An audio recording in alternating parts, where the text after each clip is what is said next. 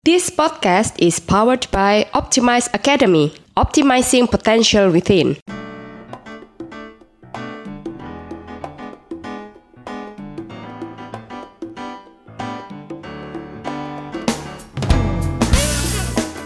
Berapa banyak undang-undang yang itu dibuat tanpa melibatkan rakyat sejak awal, sehingga yang namanya kebijakan publik berubah menjadi kepentingan kekuasaan.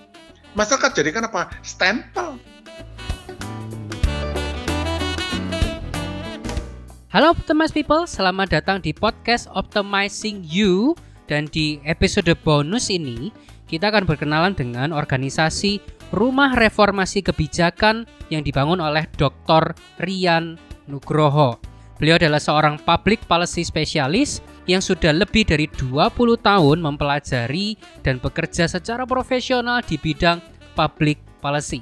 Oke, kita langsung saja. Berikut ini wawancara saya dengan Dr. Rian Nugroho mengenai rumahreformasi.com.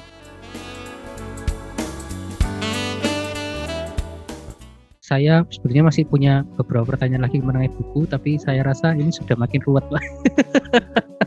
Dan mengingat waktu, saya memilih untuk pindah ke bagian kedua, Pak ya, uh, bicara mengenai Pak Rian sendiri. Kenapa Bapak mendirikan rumah kebijakan dan biasanya kliennya rumah kebijakan ini siapa? Baik, saya itu memulai organisasi ini embrionya tahun 98. Wow. Waktu itu saya fokus kepada namanya kebijakan-kebijakan di sektor bisnis, yaitu perhubungan, telekomunikasi, perikanan. Lama-lama saya berpikir, saya terlalu banyak memikirkan bisnis. Kemudian mulai tahun 2003 saya membentuk namanya Institute for Policy Reform 2003. Betul-betul itu lembaga nirlaba. Kenapa? Tidak mau mencari proyek, tidak mau betul. Jadi yang saya lakukan adalah kita mengembangkan pemerintah-pemerintah, teman-teman organisasi untuk mereka menjadi mampu mendevelop kebijakan di tempat masing-masing. Ingat, kebijakan itu tidak hanya kebijakan pemerintah atau public policy, tapi kebijakan perusahaan, kebijakan masyarakat, kebijakan keluarga. Nah, apa yang kita kerjakan? Kok dikatakan berapa banyak pekerjaan di pemerintah? boleh dikatakan sangat jarang. Kenapa? Pada saat kami menerima pekerjaan, maka pertanyaan pertama adalah, bisa nggak kita tidak menjadi stempel? Teman-teman, begitu banyak pekerjaan kepada kita meminta kita hanya menjadi stempel. Apa stempel? Membenar-benarkan maunya kekuasaan. Pada tahun 2007 misalnya, kami betul-betul bekerja dengan Menpan, menyiapkan sebuah peraturan menteri tentang perumusan, implementasi, dan evaluasi serta revisi kebijakan publik Permenpan. Dan itu begitu luar biasanya. Menurut saya luar biasa karena diterima oleh semua Pemda, semua lembaga pemerintah pusat dan itu diverifikasi oleh 200-an pakar berbagai bidang. Dan ketika barang itu jadi, peraturan menteri itu langsung ditolak oleh semua lembaga pemerintahan. Langsung ditolak. Huh? Kenapa? Langsung ditolak karena kalau dilaksanakan, maka pemerintah tidak bisa bermain-main lagi dalam membuat kebijakannya. Contoh, hmm. salah satunya adalah kalau membuat kebijakan publik harus melibatkan bukan uji publik. Uji publik kan setelah barang jadi diuji toh. Yeah. Tidak. Sejak mau membuat, udah nanya dulu, Mas boleh nggak ini? Mbak boleh nggak ini? Ditanya dulu rakyatnya. Hmm. Itu yang kita jadikan pakem dan itu tidak ada yang mau contoh lihat berapa banyak undang-undang yang itu dibuat tanpa melibatkan rakyat sejak awal. Sehingga yang namanya kebijakan publik berubah menjadi kepentingan kekuasaan. Masyarakat jadikan apa? Stempel. Lewat apa? Lewat LSM, yayasan-yayasan, rumah-rumah riset. Sehingga kami boleh dikatakan baru menerima pekerjaan kira-kira kurang dari dua lusin saja. Tapi pekerjaan yang kami buat betul-betul itu dedicated kepada publik sehingga teman-teman di pemerintahan tahu kalau mereka nggak mau dedicated jangan pernah ketemu sama saya hmm. dan memang pekerjaan kami termasuk menyelamatkan sejumlah menteri dan pejabat tinggi pemerintah. Dari apa? Dari jebakan korupsi. Teman-teman kami mengkaji sejumlah proyek-proyek yang besar sekali yang ketika kami baca kami katakan no jangan dijalankan. Karena seperti implikasinya. Jadi kalau boleh kami katakan, kami adalah sebuah organisasi riset dan advokasi yang aneh. Satu, kami tidak menerima proyek-proyek secara mudah, baik dari donor atau pemerintah. Donor karena gini, donor jangan dikira donor dari lembaga internasional mereka juga punya interest sangat besar. Ya. Saya pernah kita pada waktu itu mendapatkan uh, penawaran dari donor dari negara gede-gede gitu. Hmm. Kita bilang no, the leader is not you but us akhirnya kita hanya jadi wakilnya. Oke, okay, fine. Tapi akhirnya terjadi adalah rekomendasi kebijakan itu tidak semata-mata untuk maunya dia. Hmm. Teman-teman, hmm. Kita harus akui banyak kita punya policy analis, policy expert yang dia ya nggak banyak kalau beberapa lah kalau banyak enak. Yang dengan mudahnya menggadekan diri kepada duit kepada jabatan. Makanya Julian Brenda orang Belanda mengatakan itu bentuk yang namanya pengkhianatan intelektual.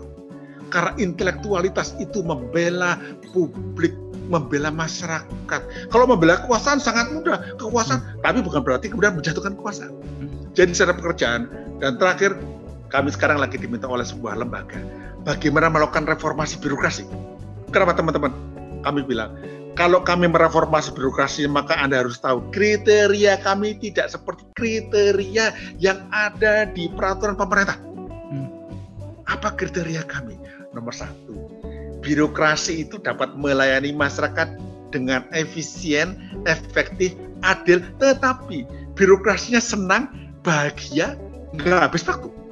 Jadi dua-duanya harus senang. Plus apa? Tidak nggak habis duit mereka.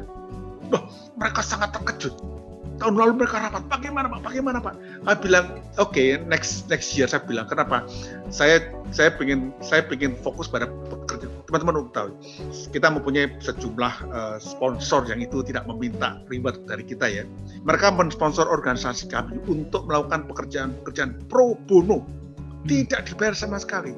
Kami membantu sebuah organisasi, bahkan kami membuat kajian-kajian dan praktek-praktek di berbagai daerah. Tapi memang kami seperti gerilya, clandestine.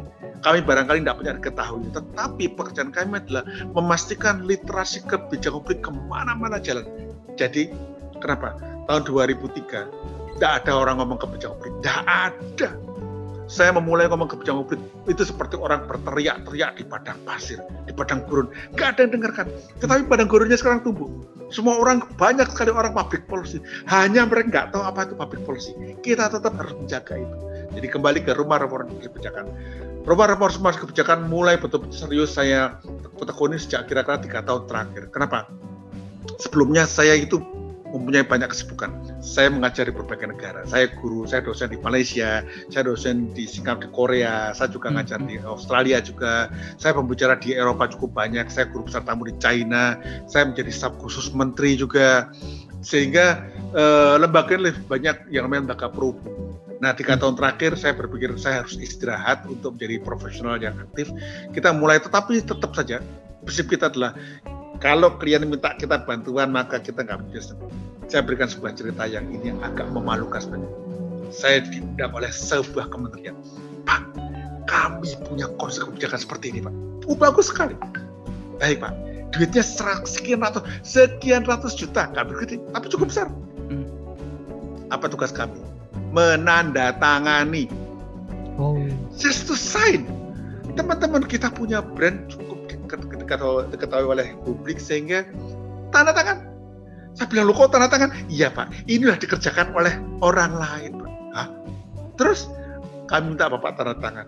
Teman-teman, bayangkan ya. Saya diminta menandatangani sesuatu yang saya akan kerjakan.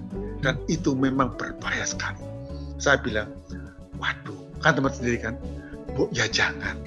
Kalau Anda yang susah, saya periksa saja. Saya kasih rekomendasi, yuk bayar seperlimanya tidak bisa dia. Tidak bisa Pak, udah jadi Pak, udah pakai. Teman-teman, itulah kejadian di pemerintah kita. Barang dikerjakan oleh orang yang nggak kompeten, orang yang kompeten suruh stempel dan dia mau aja. Apa yang dibilang kepada saya, Pak, kalau Bapak nggak mau Pak, sudah banyak yang ngantri loh Pak. Teman-teman bayangkan saya dianjur seperti teman-teman. Tapi menurut hemat saya sih, hidup bukan lebih dari sekedar roti, nasi, dan makanan mewah kan? Hmm. Sudahlah Pak, nggak apa-apa Bapak cari orang lain saja. Saya juga pernah mengundurkan diri menjadi jabatan eselon satu di beberapa kementerian. Kenapa? Nggak bisa. Karena menterinya maunya adalah palu gada. Apa lu mau, lu harus ada. Mengerikan. Ingat, yang namanya Aaron Widalski mengatakanlah public policy analyst adalah orang yang orang yang melakukan namanya speaking the truth to the power tanpa mengajarkan power itu membantu power bekerja dengan baik. Jadi teman-teman, kalau boleh katakan apa kenapa tidak bisa terkeras seperti lembaga yang lain itu membantu pemilu di sini teman-teman you membantu kesuksesan kekuasaan it's peanut peanut saja itu karena Anda membantu menciptakan sebuah kekuatan baru dalam masyarakat. Jadi dengan segala kelemahan saya, lembaga ini boleh dikatakan hanya punya paling dua lusin project. Itu pun sangat langka, tapi itulah Tuhan selalu punya berkat dari mana-mana. Kita ada aja yang Pak. Bagaimana kalau Bapak kami sponsori untuk untuk setahun ini, Pak? Loh, nanti apa bayarnya? Nggak usah, Pak luar biasa sehingga kami bisa running terus running kecil dan kita organisasi yang sangat kecil dan sekali kecil kita punya organisasi trapesi trapesi itu artinya kita tidak punya kantor yang sangat besar, orangnya banyak, enggak kita hanya punya staff kecil, tapi kita punya jejaring orang jadi founders kita, ekspektasi sangat banyak. Dan itu yang menjadi kenaikan baru. Inilah bentuk entrepreneurship. Kenapa? Beberapa orang di antara kita bilang, Pak, boleh nggak kami itu mengembangkan sendiri, Pak? lembaga riset baru yang kemudian lepas dari Bapak. Fine. Hmm. Jadi, boleh saya katakan, kami sudah memperanakkan banyak orang-orang baru yang menjadi konsultan di berbagai tempat. Dan menurut hemat saya, tugas kita kan memperanakkan. Ada pilihan-pilihan menjadi kaya, dan tapi menurut saya, saya sudah kaya kok, gitu. sudah cukuplah berkat Tuhan ini. Dan tinggal dibagi-bagi saja. Karena apa? Karena kita banyak kemudian kebaikan yang dilewatkan oleh orang lain. Contohnya, saya baru bisa mengajari 1 sampai 5. Ternyata teman kita yang melepaskan diri itu mengajar sampai 20. Berarti apa? Kan luar biasa kan? Coba kalau dia saya kungkung lewat saya terus, jadi 5 paling banyak 6 saja. Nggak sampai 20 dia. Jadi pola berpikir seperti itu juga pola berpikir entrepreneur Nah, itulah bentuk-bentuk lain yang barangkali saya tidak terapkan. Jadi prinsip yang saya pikirkan, coba diterapkan, dilaksanakan. Supaya apa? Supaya kita tidak menjadi arogan, teman-teman. Seringkali kita sok tahu, sok itu, oh gampang. Enggak, tidak iya. mudah. Jadi presiden tidak mudah, menteri tidak mudah, pengusaha pun tidak mudah. Jadi pedagang pasar pun tidak mudah. We iya. have to admit, mengakui Tuhan itu membuat perbedaan di antara kita dan kita mengakui setiap hal itu tidak mudah. Bagaimana caranya Optimize People bisa ikut uh, yang Bapak tadi bilang magister kebijakan publik itu? Uh, sangat mudah. Saya saya itu orang yang kuno, jadi orang kuno itu cuma pakai Facebook. Di Facebook saya taruh teman-teman bagi yang mau, saya mulai tahun ini bikin namanya magister manajemen, uh, magister kebijakan publik for free. Tung gitu aja, tang tang tang tang tang tang, tang. jadi tiba-tiba saya cuma berikan satu alamat, kemudian yang mengelola adalah saya punya tim, saya punya staff. Pak, seribuan lebih pak wah gitu kita hanya buka selama dua tiga minggu barangkali kita buka. Akhirnya kita seleksi dari kita seleksi itu uh, kita terpilih kita pilih sepertiganya PhD sepertiga lagi S2 seperti lagi adalah S1 yang excellent. Karena itu merupakan sebuah kebahagiaan. Kenapa? Terus terang teman-teman. Saya itu tidak membuat ini barangkali nggak selamanya. Tidak. Hmm. karena saya tidak menciptakan namanya training for trainers. Saya bilang teman-teman kuliah yang saya berikan ini kuliah S2 tapi kelas S3 dan juga kuliah ini saya berikan juga untuk presiden dan menteri gubernur wali kota it means setelah ini you boleh lakukan training sendiri masing-masing dan saya juga nggak tahu apakah ke depan saya akan karena sudah banyak permintaan lagi untuk mengulang lagi sesi kedua tahun kedua tapi saya masih memikirkan kalau saya kerjakan lagi berarti saya menjadi dewa dong nggak hmm. boleh dewanya harus banyak I have to stop. Mungkin setahun, dua tahun saya stop. Supaya semua orang terpaksa, wah Pak Rian nggak ngajar nih. Opportunity buat saya nih. Please do it. Because I would like to create the opportunity for everybody untuk menjadi guru-guru kebijakan publik sepanjang yang diajarkan benar. Jadi pertanyaan adalah, bagaimana saya membagi itu medsos? nggak oh, cara-cara okay. lain karena uh, paling ya uh, eh, WA group itu pun nggak begitu banyak saya punya WA group tapi yang baku adalah ketok tular teman-teman. Jadi persahabatan. Kedua, bagaimana cara mengikutinya? Uh, kuliah ini akan berakhir pada bulan Maret atau uh, Maret April tahun ini. Dan kemudian saya akan membuat sebuah sesi break sampai bulan Agustus. Mungkin kalau saya melihat opportunity saya tidak menjadi dewa, saya takut jadi dewa teman-teman. Hmm. Itu dosa itu nyanyi Tuhan saya kayak kayak Namrud itu teman-teman. saya akan buka. Tapi kalau saya bisa mendorong teman-teman, saya lagi berusaha mendorong. Yuk teman-teman, yuk kan sudah hebat yuk bikin dong pada level Anda. Lebih gede lagi juga bisa. Kenapa? Yang ikut saya itu boleh dikatakan, aduh teman-teman, hampir dikatakan hampir semua perguruan tinggi negeri dosennya ikut kepada kuliah ini. Baru saya bilang, teman-teman kuliah ini bukan kuliah untuk meminterkan Anda loh ya, tapi untuk menginspirasi. Because everybody is smart, we just inspires others. Jadi pertama lewat medsos jadi lihat saja nanti medsos saya di uh, apa namanya Facebook atau LinkedIn. Instagram saya punya tapi nggak begitu aktif saya. Atas yang namanya Rian Nugroho gitu pak ya Rian Nugroho betul. Karena betul. Karena teman-teman saya itu terlalu sibuk melayani permintaan pertolongan jadi ada di messenger di Facebook, kemudian email, misalnya private. Mereka minta tolong Pak, saya macet Pak, disertai saya Pak. Saya macet Pak, tesis saya. Jadi saya mau jadi pembimbing ketiga, keempat atau kelima bagi mereka for free. Hmm. Dan saya kerjakan uh, saya kerjakan ini kira-kira antara jam 10 sampai jam 2 pagi. Ada juga gubernur, wali kota, bupati, eselon satu mereka. Teman-teman, kita ada itu untuk memberikan nilai. Dan nilai itu ada profitnya. Profitnya adalah ucapan terima kasih, persahabatan, project dan sebagainya. Tapi untuk ke depan saya masih memikir lagi, apakah terus kenapa tidak? Mungkin ya, ya, ya mungkin tidak. Mungkin Alternatif lain Optimus People selalu bisa baca buku dan tulisan-tulisan Pak Rian yang banyak sekali. Uh, barusan juga Pak Rian cerita di Google Google Books gitu ya, Google Play itu Pak Rian barusan saja uh, launching 18 buku seharga harga lapangan parkir. Satu parkir. jam parkir mobil. Saya kira harga lima ribu sangat murah. Orang bilang, Pak, murah itu murahan. Tidak apa-apa. Aku dibilang murah pun tidak apa-apa juga. Yang penting buku itu ketika dibaca, eh ada manfaatnya. Dan kemudian kalau dijadikan orang itu karena ada juga teman-teman biasa ya, Pak, saya gara-gara beli buku bapak yang harganya 6.250 itu pak saya punya proyek yang sekian ratus juta apa itu teman-teman? Bukan masalah itu atau pujian tidak. Tapi yang berbahagia adalah kita bisa membantu orang lain mendapatkan penghasilan untuk hidup lebih layak. Artinya kita entrepreneur kan? That's called real entrepreneurs. Our products create another value for another people. That's the philosophy of entrepreneurs yang kita coba dalam hidup kita setiap saat, teman-teman. Terima kasih, terima kasih Pak Rian. Sekali lagi terima kasih untuk waktunya yang sangat berharga. Terima kasih untuk semua insight yang Bapak sudah berikan. Uh, sekali lagi Optimus People bisa mengakses semua karya Pak Rian, terutama dalam digital atau di Facebook Pak Rian Nugroho. Sekali lagi terima kasih Pak Rian Nugroho. Sampai ketemu lagi. Sama-sama sehat selalu. Sehat selalu.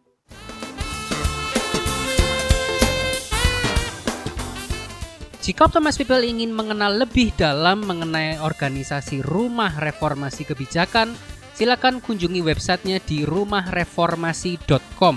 Sekali lagi, rumahreformasi.com. Atau Thomas People juga dapat menyapa Dr. Rian di Facebook menggunakan nama akun Rian Nugroho. Oke, saya Eri Silvanus, founder dari Optimize Academy, Optimizing Potential Within.